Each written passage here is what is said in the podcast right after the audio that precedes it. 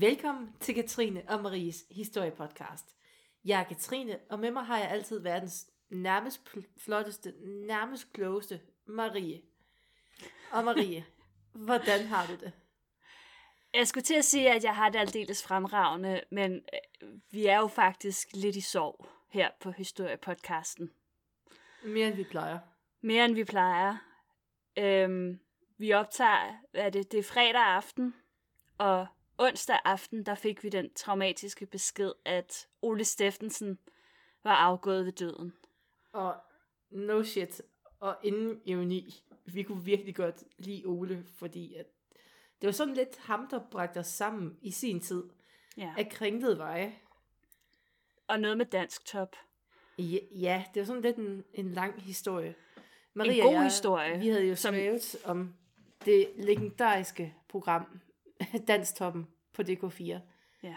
Og det var, hvad skal man sige, det var underligt, men på en elskelig måde. Ja. Og så blev vi jo spurgt, om vi ikke ville med ind og se det live og snakke lidt ind i et kamera om det. og det var faktisk der, jeg mødte Marie i virkeligheden for første gang i mit Det er liv. faktisk rigtigt, ja. Og det var Ole, Det der var- faciliterede vores møde mere eller mindre. Verdens rareste mand. Og det, Det det er- er med, at jeg fik ham altså, lavet en rigtig underlig joke, og han blev rigtig akavet omkring det, mens der var en masse, der grinte, og, Ja, det var noget med en selfie-stang. Og, og sikkert en stang, du har der, Ole. ja, åh. Det var Åh. en fantastisk aften, og, øh, og vi har det bedste indtryk af, af Ole Steffensen. Ja, jeg, jeg synes nogle gange, det bliver lidt, altså, lidt kvalm, når man siger rest in peace til folk, man Ja. aldrig har mødt, og de har kendt men Ja. vi kendte næsten Ole. Vi følte i hvert fald, at vi kendte Ole. Jeg har flere billeder af Ole Steffensen på min telefon, end de fleste andre mennesker. Ja, Øh, Ej, det lød helt forkert. Ikke? Altså, det er ikke og sådan det kom fra et sted med kærlighed, så de bedste kom fra- tanker til hans familie og bekendte og Præcis. alt og alle. Altså. Helt sikkert. Ja. De Og nu laver tanker. vi så også en Ole Steffensen i hans ånd, fra at gå fra noget virkelig trist til noget helt andet, sådan helt ja. seamlessly. Ja, og, og det er fordi, at vi har faktisk, vi har faktisk et shout-out til. Øhm, og den her gang, der, der skyldes nogen, der er jo, døde. at der, det er ikke nogen, der er døde. Vi skal faktisk hylde en person. Det går vi også for, Marie. Det gjorde vi også før. Men, øh, men det her, det er en levende person. Og, øh, og, og det skyldes jo, at for nogle øh, uger siden, der postede vi sådan et, øh, et meme med Christian 4. Øh, og i, i forbindelse med øh, VM i håndbold. Og det er der måske nogen, der kan huske, at de har set. Hvis ikke de har set det på vores øh, sociale medier, så har de sikkert set det et eller andet andet sted, for det var alle vegne. Og det Og var hvem- godt. Og det var så godt, det meme. Og jeg blev spurgt, Marie, er det dig, der har lavet det? Jeg sagde, nej, desværre, det er det ikke. Og så pludselig ud af det blå, så er der en mand, der skriver til mig på Facebook og siger, det er mig, der står bag det her meme. Jeg synes, det er fantastisk, at det er kommet så vidt omkring. Og, Og vi kan jo øh, godt lide at hylde vores kilder. Historikere elsker kilder. Helt sikkert. Og, øh, og ikke mindst fordi, at, øh, at, han, at, at han jo så også synes, at det var øh, øh, dejligt at, at støde på vores øh, podcast. Så Jesper Sonny Hovmand Christiansen, manden bag Christian 4. mimet, alle tommelfingre op i din retning. Hvor mange har du? Jeg har to. Okay. Yes. Vil du så ikke bare sige begge? Begge to. Begge Værsgo. tre. Godt så. Nå. Og med det ude af verden. ja. Marie. Hvad skal vi tale om i dag? Jo, altså, i dag der skal vi tale om en af de mest kulørte, mest indflydelsesrige og provokerende kvinder i Roms historie, nemlig Agrippina den yngre. Hun kæmpede sig hele vejen op til magtens tinder, blev gift med selveste kejseren og fik installeret sin egen søn, Nero, på kejsertronen. Jeg ved jo ikke, hvad du laver i din fritid altid. Men jeg kan jo godt lide at sidde sådan på Game of Thrones forumer. Mm. Og der er mange, der sådan sidder, er det hende, der har inspireret Cersei? Er det hende, der har inspireret Cersei? Mm. Og der er det vist lidt, vil jeg sige. Det tror jeg godt, man kan sige, ja. Så nu skal vi mm, snakke om virkelighedens Cersei. ja, Ja. fordi at det her, det er en curlingmor i ordets værste forstand. Men hun var også en badass kvinde, der var fuldstændig ligeglad med samfundets normer og idealer. Og især dem, der handlede om kvindernes rolle. Hun tog, hvad hun ville have, i en mm. verden, hvor det ikke var særlig velanset. Ja, og det betød jo også, at, allerede i samtiden, der var hun virkelig hadet af rigtig mange, og især af mange mænd. Øh, de brød sig bare slet ikke om, at en kvinde fik så meget magt og indflydelse. Og det var ikke bare noget, der kom efter hun var død. Det var mm. del også noget, der blev påtalt dengang hun levede. Mm. Og mange af de rygter, de har overlevet til nutiden. Blandt andet, at hun har mindst 10 menneskeliv på samvittigheden. Og der er mennesker, altså det var sådan dem, der på den ene eller den anden side nok var stået lidt i vejen for hendes ambitioner, kan man sige. Mm. Og de kom jo så ud for, at altså, de blev myrdet, de blev henrettet, eller blev drevet til selvmord. Ja. Hvor uheldig kan... kan man være. Hvor uheldig kan man være. Lige dem, der stod i vejen for mig, tog oh, ja. Præcis. Vi kender jo af gode grunde kun Agrippina fra de historiske kilder, og det er jo især dem, som er skrevet af vores gode gamle ven Tacitus. Men der er også to andre fyre. Den ene hedder øh, Sveton, og den anden hedder Diocasius. Problemet er, at øh, ingen af de her mænd kunne lide Agrippina. Og det, det skaber jo selvfølgelig en det gør måske kilde situation. En, en lidt farvet kilde, kan man sige. Og så må man jo spørge sig selv, om den historie, som de øh, giver os, er den virkelig sand? Altså kan vi regne med, at det er sandfærdig, objektiv historie, de skriver? Var hun virkelig en kynisk og magtsyg kølingmor, der på brutal vis fjernede alle forhindringerne fra sin og søndens vej til magten? Eller var hun et offer for bagvaskelse af dimensioner, fordi at hun var en kvinde med ben i næsen, masser af ambitioner og politiske evner og indflydelse? Ja, det er jo det gode spørgsmål. Og skal vi svare på det? Det kommer vi måske til senere. Fedt. Ja. Nå, lad os starte fra begyndelsen.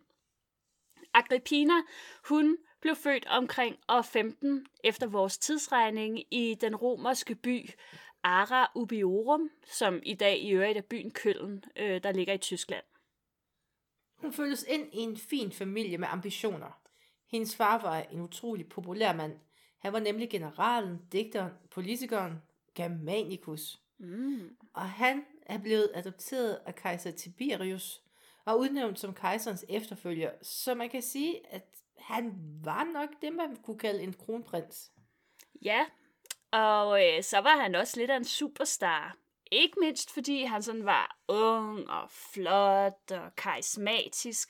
Så havde han jo også en stor familie, og det kunne romerne rigtig godt lide. Sådan en frugtbar ung mand der. Mm. Og så stod det... Andre, ja, og så stod det i kontrast til den her noget mere tillukkede kejser Tiberius, som var ved at være en lidt gammel mand. Abriginas mor hedder også Abrigina. Det er sådan. Det, man var ikke så opfindsom. Nej. Men hendes stamtavle, er det ikke noget, hun har, Marie? Familietræ er også imponerende. ja, okay. hun er nemlig barnebarnet af selveste kejser Augustus, og hun blev beskrevet som den ideelle romerske kvinde. Ja. Og sammen så øh, får de her to mennesker altså en del børn. De får tre sønner.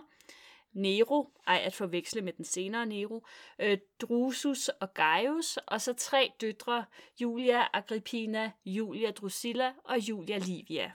Igen det der med navnene, ikke? Altså, bare kalde dem alle sammen Julia. Nå. Historikeren mener, at Briginas barndom den var relativt lykkelig. Familien den var populær og venligt, og de rejste rundt i provinserne, hvor forældrene de havde officielle opgaver. Men i år 19 rammer tragedien. På en rejse til Syrien, der dør Germanicus pludselig. Han er kun 34 år, og rygterne de sviger om, at det er selveste kejser Tiberius, eller i hvert fald nogen tæt på ham, som står bag. Men så kan jeg jo så spørge, hvorfor? Fordi at, sagde du ikke lige, at han, altså han var udråbt som efterfølger. Jo, men øh, Tiberius har faktisk en biologisk søn, og han vil egentlig også gerne være kejser.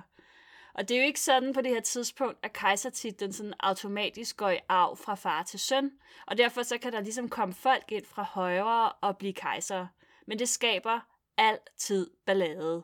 Det, det kender vi også fra Danmarks historien. Det kan vi tage en anden gang. Men der var noget med noget pavehistorien, altså- gode paver. Det der med, at der ikke er en arverækkefølge, det er noget værre bøvl. Øhm, og derfor så er der også folk omkring Tiberius' søn, som arbejder på at gøre ham til kejser, i stedet for Germanicus. Aborginas mor tror 100% på den her konspiration. Hun rejser tilbage til Rom med sine seks børn og begynder at arbejde på at få kørt en af sine sønner i stilling til kejsertitlen. Og det bliver ikke særlig godt modtaget. Tiberius' søn, han er nemlig omgivet af magtfulde mænd, og da de ser Germanicus' børn som en trussel mod deres planer, så bliver de to ældste sønner myrdet, og Agrippinas mor sendt i eksil, hvor hun dør af sult, og der er nogen, der mener, at det, det, det også har noget med mor at gøre, men det, det kan være lidt svært helt præcist at finde ud af. Åbenbart så mener øh, øh, de her mænd ikke, at de resterende børn er en trussel herunder øh, døtrene. de skulle bare vide. Altså, jeg synes måske, hvis man var en af de børn, der blev vurderet til ikke at være en trussel, jeg vil måske føle mig lidt ramt over, hvor udulige andre folk tror, jeg er. ja. Sådan, ej, øhm, Hey! altså, vi har myrdet to af dine brødre, men du... Mm, nej, nej, nej, ved du hvad? Ved du hvad? Bare glem det. Du har ikke, du har ikke sådan potentiale, så ved du hvad? Du får lov til at leve. ja. Og så er det ligesom, så, så er det måske netop der, man bliver en trussel, ikke? Jamen, det er bare det ultimative slap in the face. Det bliver, det er sådan lidt gummitarsan-agtigt. Ved du hvad? Der, der er ikke noget ved dig. Du, Nej, bare gå rundt. Du må godt få en skarp kniv. Ja, ja. Ingen, ingen skade sket. Ej. Nej. Vi ved af gode grunde ikke, hvordan lille Aborgina, hun fordøjer alt det her. Mm. Efter brødrenes død og morens eksil, der bliver de sendt i pleje hos deres mormor, og det er her, hun vokser op. Ja. Mormor, hun er jo et søster til den tidligere kejser Augustus, så det er en fin dame, de vokser op hos. Som øh, 13-årig, der bliver hun så, altså Agrippina, gift med sin cirka 20 år ældre fætter, Gnaeus Domitius. Og 13 år, det lyder sådan rimelig ungt i vores øjne, men i Rom, der var pigerne faktisk giftemodne på det her tidspunkt, så det har egentlig været helt normalt. Og det har nok også været rimelig normalt, at, at brudgommen var så meget ældre, Og ens familie. og ens familie. Kejser Tiberius, han dør den 16. marts i år 37. I årene op til hans død, der har der været masser af drama om, hvem der skulle være hans efterfølger. I processen er Abriginas to storebrødre blevet myrdet, men også Tiberius egen søn, Drusus. Så vi står lige pludselig i en situation uden særlig mange sønner. Ja, Og det ender med, at Tiberius han udpeger Agrippinas sidste bror, Gaius, som kejser. mm. Og han bliver kejser under navnet Caligula. Det er der måske nogen, der nikker genkendende til. Ja. Og øh, Uh. Ja, Caligula, det er et kælenavn, som har hængt ved ham siden barndommen. Det betyder lille sandal eller lille støvle, og det skulle efter sine være opstået, fordi det her med, at, at, at familien tidligere ligesom rejser rundt i provinserne, og de hænger meget ud sammen med øh, soldaterne og kommer i de her militærlejre og så videre, og så klæder de ham ud som en lille soldat, og det er meget sødt. Og så hænger det ligesom ved. Men øh, at øh, han bliver kejser, det vender op og ned på Agrippinas liv. Hun er nu pludselig kejserens søster, og det betyder privilegier. Man ved ikke særlig meget om Caligulas styre, men til at starte med, der bliver han beskrevet som en retfærdig og god kejser. Men rygtemøllen, den sviger. Jeg har sådan nogle gange fornemmelse af, at, øh, at det var meget svært øh, at være øh, magtfuld og indflydelsesrig i Rom, fordi hold op, hvor har de Jamen altså, det var øh, den altså, mest ustabile system nogensinde. Altså, hvis, altså, der var to faser. Du kravler mod toppen, hvor du så spreder rygten. Hvis du så når til toppen, Ja. så skal du så arbejde på at sådan få slået alle de her rygter ned. Det er Ja. et meget, meget intens system, og de holder jo heller ikke i særlig mange år, kejser. Det gør de ikke, nej. Og der er mange, der sådan kommer ud for tragiske ulykker. Går ind i en kniv og sådan noget. Og sådan noget, ja. Eller flere Ja. knive. Nå, Ej, men, øv. øhm, altså omtrent samtidig med, at Caligula han bliver kejser, så bliver Agrippina gravid.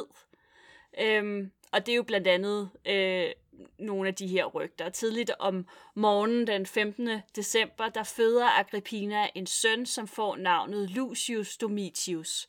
Han bliver så senere kaldt for Nero. Hendes mand, ham her, den 20 år ældre fætter, han vedkender sig faderskabet, men der går rygter om, at øh, Caligula han går i seng med sine søstre, og det derfor er ham, der er far til Nero. Og vil en mand, der er så godt gift som Caligula, gøre det? Men han er jo til synligheden en ret travl mand, ham her, Caligula, fordi øh, udover at han har en kone, så går han så også i seng med sine tre søstre, og hvem ved, hvad han ellers har elsker inder. Der, bliver, der er ikke meget tid til at reagere Er det ikke ham, der er sådan ekstremt mange saftige, saftige rygter om? Jo, jo. Altså selv for romerske kejserstandarder. saftig. Jo, altså det er saftigt nok, det der med at gå i seng med alle sine søstre, ikke? Altså, altså igen, romersk kejserstandard, så er det sådan lidt... Mm, Efter sine så er øh, Caligula særlig glad for sin søster Drusilla. Desværre så dør hun under en epidemi i Rom året efter han bliver kejser, altså i året 38. Og herefter så begynder det til syneladende at gå ned ad bakke for Caligula. ja, fordi de første år, der bliver hans styre jo egentlig beskrevet som rigtig fint. Men nu begynder kilderne så at fokusere på alle mulige negative ting, der går fuldstændig se og høre i det. Fuldstændig. Han er beskrevet som ekstravagant, seksuelt perverteret, sadistisk og en vanvittig tyran. Det er utroligt, som folk lige pludselig kan ændre sig. Og man skal selvfølgelig også tage den slags beskrivelser med et græns salt. Men der, der er ikke nogen tvivl om, at øh, Caligula han var blevet upopulær. Og det var ikke mindst, fordi han arbejdede på at give sig selv mere øh, og uindskrænket magt. Derudover så brugte han rigtig mange penge på ambitiøse byggeprojekter og luksuriøse paladser til sig selv. Nu ved jeg ikke, om vi er- kommer ind på det her, Marie, men du ved jo Mm. også godt, at han udnævner en hest til konsul. altså, no shit. Det tror jeg ikke, vi nævner, nej. Det, det synes jeg heller ikke. Jeg falder om, at han, han udnævner jo faktisk mm. sin hest. Det kunne godt tyde på, at enten så... Øhm, Han havde så lidt respekt for konsulen, så tænker jeg, det kan, Ja. det kan min hest skulle gøre bedre. han, han tager tyk pis på dem, eller også så er han virkelig vanvittig. Altså, jeg venter på, at Lars Lykke, han udnævner en af de der hunde, han altid går rundt med til minister. ja. Ældre minister Buffy. Åh, oh, ja. Det kan kun blive bedre. Det sagde jeg ikke. I det første år, der havde Apokrina og, og de to andre søstre, Drusilla og Olivia, haft en fest. De havde fået privilegier, de havde fået magt, og de havde fået indflydelse. Men efter Drusilla stod, der oplever Agripina og Olivia, at der ikke, altså, der er ikke så god standing hos Caligula. Så finder man ud af, hvem yndlingssøsteren var. Ja, yeah, det var lidt ærgerligt. Efter sigende, så beslutter de sig for, sammen med Drusillas enkemand, at få Caligula fjernet fra magten, og så indsætte den her enkemand, der hedder Lepidus, som kejser i stedet for. Komplottet det bliver dog afsløret. Lepidus han bliver henrettet, og de to søstre de sendes i eksil på øen Ponza. Caligula, han stopper dog ikke op. Det, han accelererer bare direkte mod afgrunden fra nu af. altså, der kommer flere og flere fjender. Mm. Og, og i år 41, der lykkes det for en sammensværgelse at myrde ham, hans hustru og hans datter. Nu er den her blodlinje ligesom slettet. Fuldstændig. I stedet, I stedet bliver Abrigina og Caligulas farbror indsat som kejser. Ja. Bum. Og øhm, sådan er det. Og det er jo heldigt nok, så kender man jo stadigvæk kejseren. Og Claudius, han virker egentlig som en meget flink fyr. Han starter med at ophæve Agrippina og Livias eksil, og de vender begge to tilbage til Rom. Men øh, mens hun har været væk, øh, så er Agrippinas ægtemand altså død. Øhm, så status er nu, at stort set hele hendes familie er død. Hun er enlig mor, og hun er lidt klemt økonomisk efter at have været væk fra Lugter Rom det lidt i af sidste sæson af Game of Thrones? Det tror jeg nok, det gør. Ja, ja, ja. Men altså, man skal, se det, man skal se tingene fra den lyse side, og hun ser, hov, min farbror er kejser, og min far, altså hendes far, Germanicus, han er stadig betragtet som en held og voldsomt populær. Det skal udnyttes. Så nu folder Abrigrina sig for alvor ud.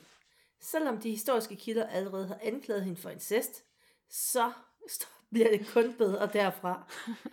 Altså, først og fremmest, så skal hun ud og have fundet sig en ny ægtemand og en stedfar til sin søn. Helst ja. samme person. Mm. Der er to kriterier. Han skal være magtfuld, og han skal være rig. Og dem er der sådan set en del af i Rom. Øhm, lige på det punkt, der sætter hun barn lavt. Først så vender hun blikket mod en indflydelsesrig og velhavende aristokrat. Problemet er bare, at han allerede er gift. Men det er hun egentlig sådan ligeglad med, og hun flytter fuldstændig uhemmet med ham. Desværre så er han faktisk ret tilfreds med sin hustru og afviser Agrippina, og det i sig selv bliver sådan lidt en skandale i Rom på det her tidspunkt. Jamen, altså, så må man ændre taktik. Ja.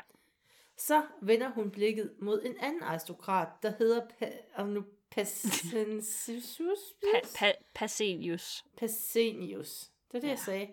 Ja. Han er prokonsul i Tyrkiet. Han er rig, og han er single.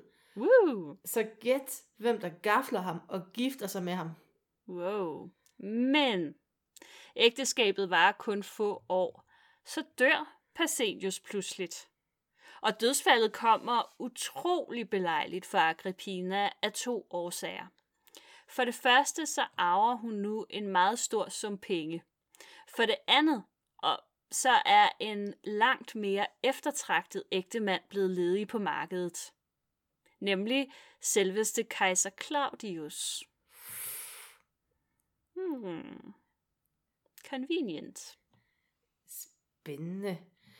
Der er jo ikke rigtig nogen beviser for, at hun står bag mordet. Men i datidens Rom, der er man ikke i tvivl om, at hun har myrdet ægtemand nummer to med gift for at få fat på hans penge. Og nu begynder hun til med at gøre kur til kejseren. Altså, mm. lady, contain yourself. Claudius, han er øh, som nævnt bror til Agrippinas far, og han har allerede været gift tre gange. Den seneste hustru, hun er blevet henrettet efter anklager om morforsøg mod ham. Det så det er virkelig dysfunktionel familie på en eller anden måde. Jamen, altså prøv Din skilsmisse er bare ikke fed, med mindre det er sådan noget, vi er ude i det her. Jamen, det, øh, det altså, se og hør havde haft kronet dage dengang. Han så Henrik er... Kvartrup, han ville bare ligge med savl under munden. Han, han vil slet ikke Ditte Ockmann, hun ville være fuldstændig... Ah, de vil bare ligge sådan... Hele, hele sendefladen ville bare være det, vi taler om. Nå, øhm, men altså Claudius, han er dobbelt så gammel som Agrippina. Han er trods alt bror til hendes far, og han bliver egentlig beskrevet som sådan høj og velbygget. Men han lider også af en eller anden sygdom. Øhm, han ryster på hovedet og på hænderne, hans ben er svage, og han falder ofte, han stammer, og til tiden så siger han noget værvulapyk, han savler, og når han er begejstret, så begynder hans næse at løbe. Det kender jeg altså godt. Jeg kender flere altså... af de der små taskehunde, der gør det. ja. Faktisk præcis det samme. Men Kaiser Claudius er en taskehund. Han var en chihuahua. Han var en af de, det var en af de sidste ting, der blev udnævnt til konsul. Det var en chihuahua. Igennem tiden har man jo så forsøgt at regne ud, hvad han har fejlet. Og der er blevet mm. foreslået, at han har haft polio, eller han har lidt af Tourette, eller måske endda har haft spastiske lammelser. Altså, og, og jeg tænker jo sådan, jeg synes jo umiddelbart, det lyder lidt som symptomer på Parkinson. Men udover de her fysiske symptomer, så bliver han sådan generelt beskrevet som generøs og sådan en lidt nede på jorden type. Han, øh, han havde et ret voldsomt temperament, han blev lidt vred, men han undskyldte også gerne for sin vrede udbrud.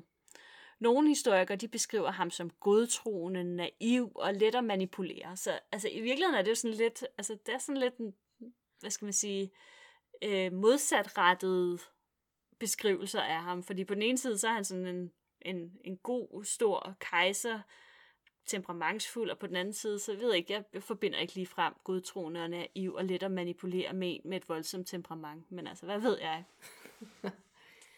Men Agrigina, hun vidste hvad, Marie? Hun vidste lige præcis, hvad hun gik ind til. Yep. Og det var ikke ham som person, hun sådan rigtig var interesseret i. Det var mere, at han var kejser. Mm. Fordi at hun skulle være kejser inden, fordi så kan hun få kørt sin søn Neo i stilling til at blive den næste kejser. But it takes two to tango. Så øh, hvad fik Claudius ud af at gifte sig med Agrippina? Altså, udover at han jo fik en yngre og tilsyneladende smuk kone.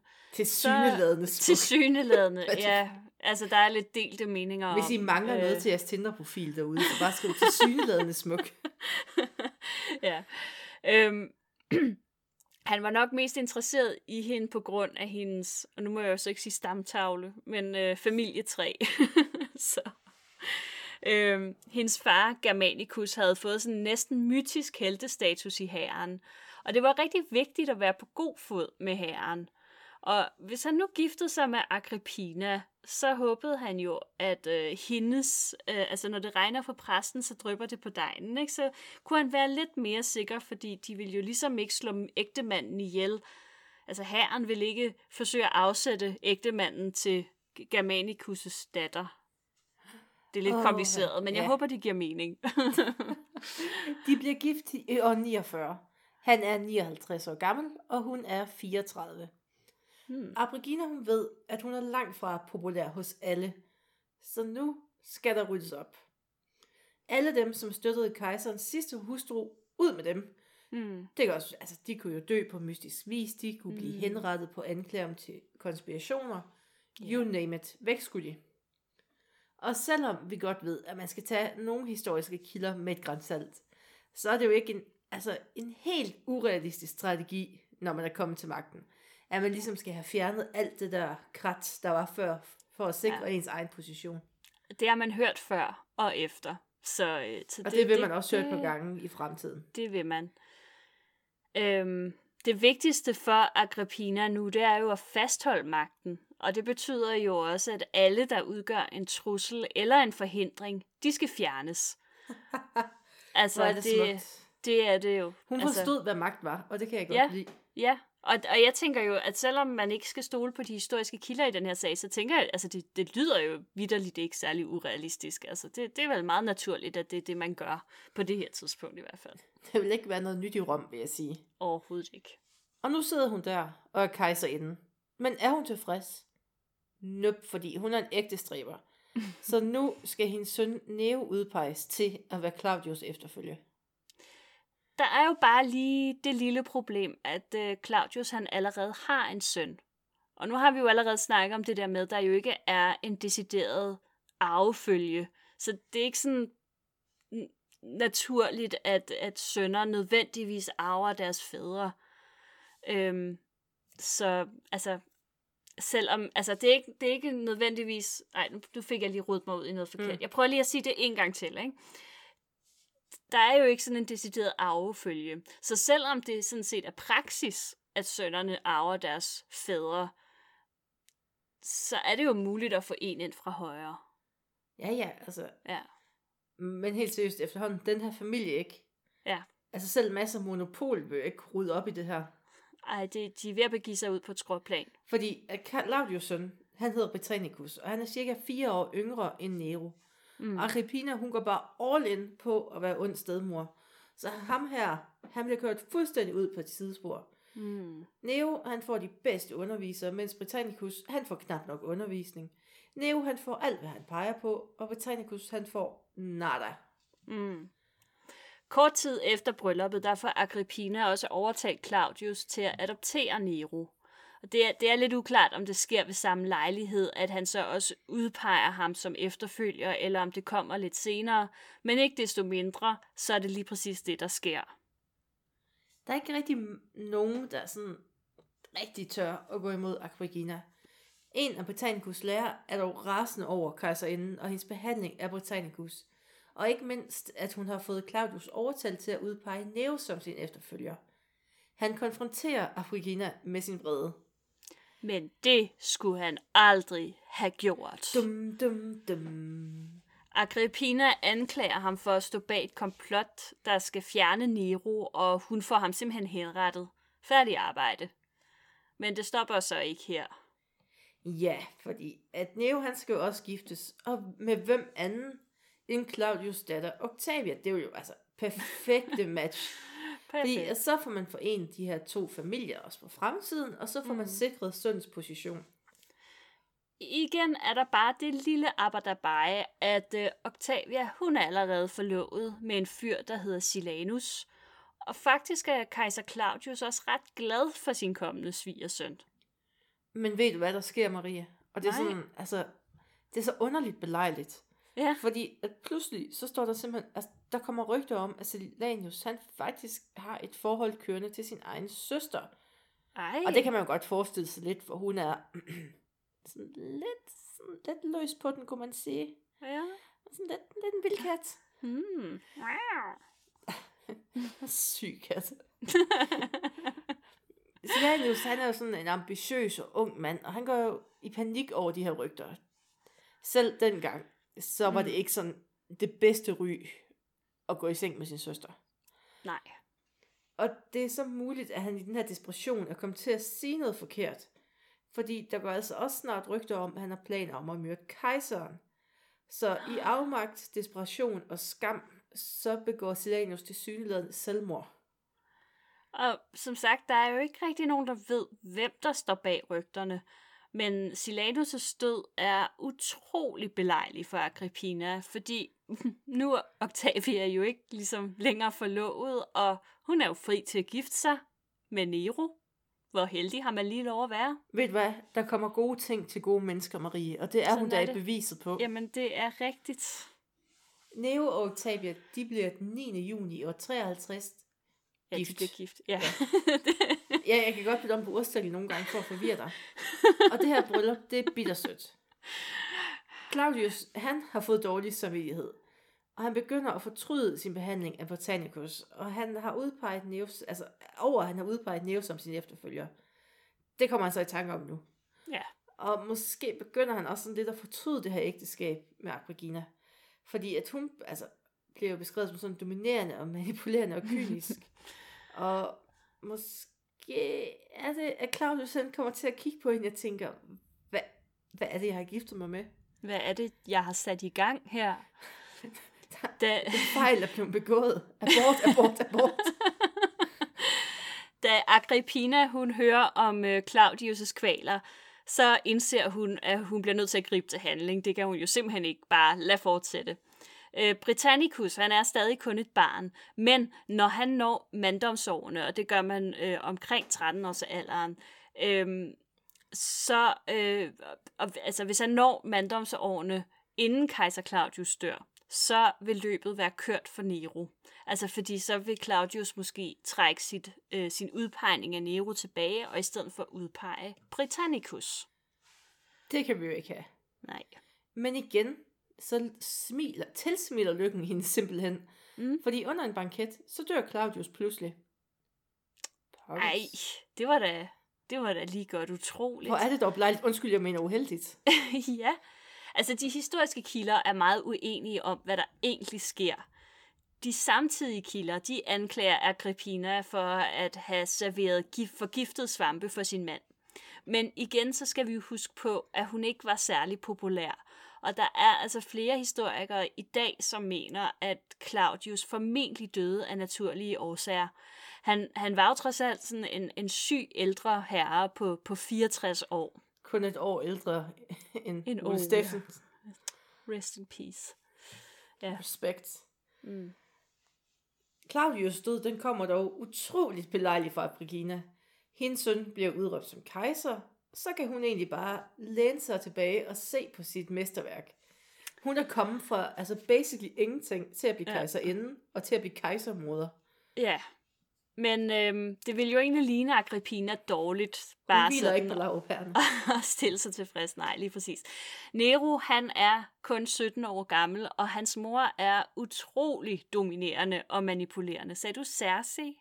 Ja, det er ja. lidt, altså, i, altså de der forum, der jeg kan godt se, hvad de mener.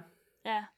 I, I begyndelsen af hans styre, så optræder Agrippina faktisk på mønter, og altså, det er sådan en særlig ære, man kan få, hvis man optræder på mønterne, så er man virkelig så er man højst i samfundet. Ikke? Det er kun kejseren, og så andre særlige personer, der gør det. Og derudover så lader hun så også bære i den samme bærestol som Nero. Til trods for, at han jo sådan set har en kone, som måske burde være i den bærestol frem for hans mor. Hun kan gå ved siden af. Mm. I øvrigt skaber det også lidt rygter, øh, det der med, hvad er det, der foregår inde i den bærestol. Nå, øh, derudover så blander hun sig i alle statsanlægner, hun deltager i møder og påminder konstant Nero om, at han er ung og uerfaren. Og er der noget 17-årige drenge godt kan lide at høre, så mm. er det da det at være sammen med deres mor hele tiden. Og for at vide, at de er unge og dumme. Ja. Mm. Det elsker Men- ungdommen. Det er det, de unge Men- vil have. Ja, præcis. Se, set i lyset af, af Neros øh, personlighed og eftermæle, så tror jeg egentlig heller ikke sådan, at han har haft en helt sund opvækst. Det er jo sådan heller ikke alle, der er sådan super begejstrede for den her nye kejser. Nej, Det er dog de færreste, der tør at sige det højt. De ved mm. godt, hvad der sker. det er jo det. Men der er to personer, der ikke lader sig kue. Den ene, det er Silanius, en konsul for Tyrkiet, og den anden er Britannicus mormor. Hmm. Men så er det jo ret belejligt, at der pludselig opstår rygter om, at Britannicus' mormor er en heks, der udøver sort magi. Mormor bliver henrettet, og Silanus han dør sjovt nok samtidig. Hmm. Efter sine så har han spist forgiftet svampe. Ah, men Hvor altså, heldig kan man være? for delen, han skulle da have taget ved lærer Claudius. Ja, det kan man Så sige. er man selv udenom det. Ja, præcis. Men Agripina, hun har jo altså en helt utrolig magt over sin søn. Og han kan jo ikke tage et eneste skridt, uden at mor hun går ved siden af eller foran ham efterhånden. Rigtig curlingmor. Ja. Og, men han er altså også kejser. Mors dreng er kejser. Ja. Og han er altså snart 20 år gammel, og hans mor er sådan stille og roligt begyndt at gå ham lidt på nerverne. Ja. Det er et ret svært opgør, det her. Det er jo ikke bare sådan et ganske almindeligt teenage Masser af monopolet. Kom nu. Hun fortæller ham jo hele tiden, hvor meget han har brug for hende, og altså det her med, at han er ung og uerfaren, og ikke kan træffe ordentlige beslutninger uden hende. Og så er det jo også hende, der overhovedet der har sørget for, at han overhovedet er kejser. Øhm, derudover så er der stadig en sten i skoen hos dem begge to, og det er jo Cl- øh, Claudius' søn, Britannicus. Så længe han lever, så er han jo en trussel mod deres magt. Der er jo stadig folk, som måske vil prøve at fjerne Nero og få Britannicus indsat i stedet. Marie, Mm. nu har vi en lille quiz. Kan du Ja. gætte, hvem der under lidt mystiske omstændigheder dør i år 55? Oh, ja, det skulle vel aldrig... Altså, det ville jo være belejligt, hvis det var Britannicus. Ej, hvordan gættede du det? Jamen, jeg ved det Og godt. han dør egentlig sådan stort set under samme omstændigheder som sin far. Og Neo han træder ikke til for at redde sin stedbror, da han falder. Han kommenterer bare, at brormanden nok har fået et af sit epileptiske anfald. Hmm. Pokkers. så, det, så var han ligesom ude og sat ud af spillet. Og øh, med Britannicus, så er den sidste forhindring fjernet. Og måske er det derfor, Nero han nu tør gøre oprør mod sin mor. Han, øh, han, han starter det her lidt forsinkede teenageoprør med at indlede en affære med en frigiven slavepige.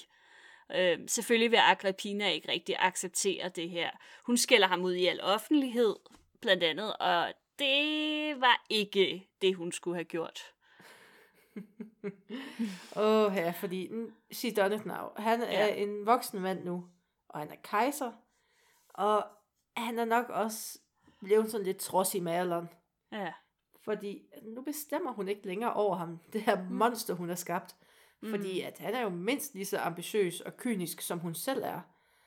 Og nu kan hun ikke rigtig styre ham længere. Nej, Og han skal i hvert fald ikke sættes på plads af sin mor, mens andre Nej. lytter. det er det. Det er ved at blive lidt pinligt. Og der er nogle episoder også, hvor at, at i sådan nogle diplomatiske øh, møder, hvor at de bliver nødt til at eskortere Agrippina ud, øh, fordi det ikke er acceptabelt, at der er kvinder til stede. Øh, det, det skaber sådan en rimelig stor skandale, det her. Øh, og, og hun kan ligesom godt fornemme, at øh, hendes goodwill ikke helt er, hvad den har været. Men man ved ikke så meget om, hvad der skete med Agrippina øh, i hendes sidste år. Samme år som Britannicus dør, der tvinger Nero, til, øh, tvinger Nero hende til at flytte ud af paladset.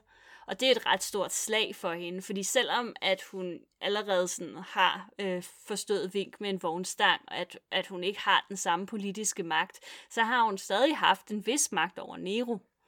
Ja. Ja. Mm. I år 58, der indleder Neo en ny affære. Og den her gang, så går han sådan lidt op for den her stige. Fordi mm. det er med en adelig kvinde ved navn Popea Sabina. Mm. Ja, ej, jeg elsker, Ja. du roser mig for at udtale noget. Du er så dygtig. Ja. Og hun vil selvfølgelig hellere være kejserinde end elskerinde. Mm. Og Neo, han er jo helt forgabt i hende. Men der er lige det der, men at han jo egentlig er gift med Octavia.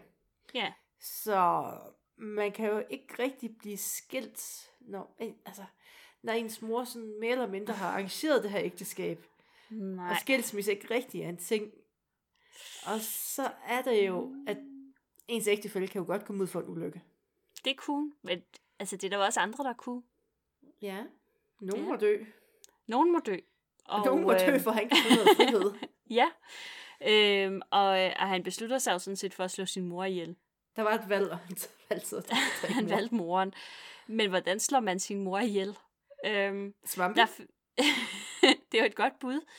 Øh, der findes flere beretninger om Neros planer, og øh, de er alle sammen sådan ret mærkelige egentlig, når man tænker på, hvor nemt det også kunne gøres.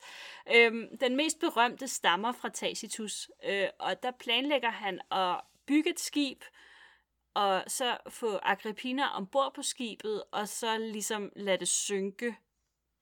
Ja, og ifølge den her beretning, så øh, får hun reddet sig i land med ganske få skrammer.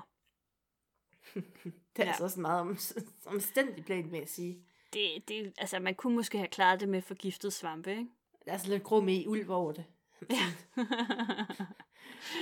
Men altså, vi ved ikke helt, hvad der sker. Men det ender Nej. I sidste ende med, at Neo får hendes snigmørtet. Nej. Og s- ja, jo, ja. ja, Ja, bare rolig. ja, ja. og altså, han retfærdiggør jo den her henrettelse ved at sige, at hun egentlig også havde planlagt at få ham myrdet. Så det var jo, det var jo selvforsvar. Jamen, det var det jo. Hvad kan man Altså, gøre? Hvad Bitch kan man be gøre? crazy. Præcis. Agrippina, hun øh, dør i året 59. Hun er 44 år gammel, og øh, den her stolte kvinde, hun bliver begravet i en simpel grav nær sin bolig. Nero, han er endelig sluppet af med sin plageånd, plageånd hedder det, men øh, han viser alligevel sådan lidt menneskelighed, fordi han får så synligheden samvittighedskvaler, og han kommer sig heller aldrig over tabet af sin mor Nå. altså i- ifølge nogle beretninger, så øh, plages han blandt andet sådan af mareridt, og han påstår, at han bliver efterfulgt eller forfulgt af hendes spøgelse, der kommer efter ham Hun med vil, hun vil altså og også være typen, der hjemsøgt folk. Det ville hun helt sikkert være, Altså 100 procent. ja. Men, men i øvrigt, altså, hvad tænker du så om øh, Agrippina? Var hun et uskyldigt offer eller en kynisk strateg? Åh, det, er- det er jo nok lidt en blanding, sådan det rigtige svage svar her. Mm. Fordi at hun har uden tvivl været kynisk. Men det var der jo så mange andre, der var på det her tidspunkt. Mm. Men det var jo, altså enten havde man magt, eller også havde man ikke magt. Og Ja. hun ville helt klart have magt. Og så, altså, så snart man begynder at stritte lidt ud, kan man sige, at have for mange ambitioner i Rom, så var der bare rygter. Det kan vi jo Ja. også se på Caligula.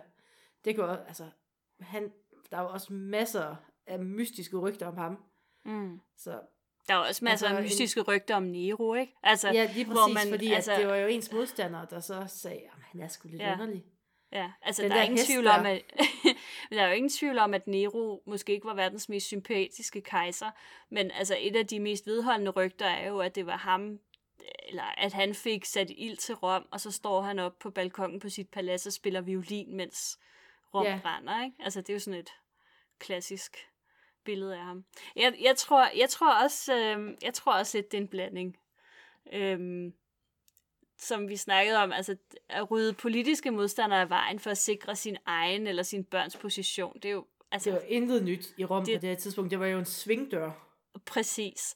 Øhm, jeg, jeg kender en bog, der hedder øhm, at, øh, at øh, Emperors don't die in bed. Ikke? Altså det, det, Altså, man Der er døde stort ikke set ingen- på det tidspunkt. nej, der er stort set ingen kejser, der dør øh, gamle og midt af dage.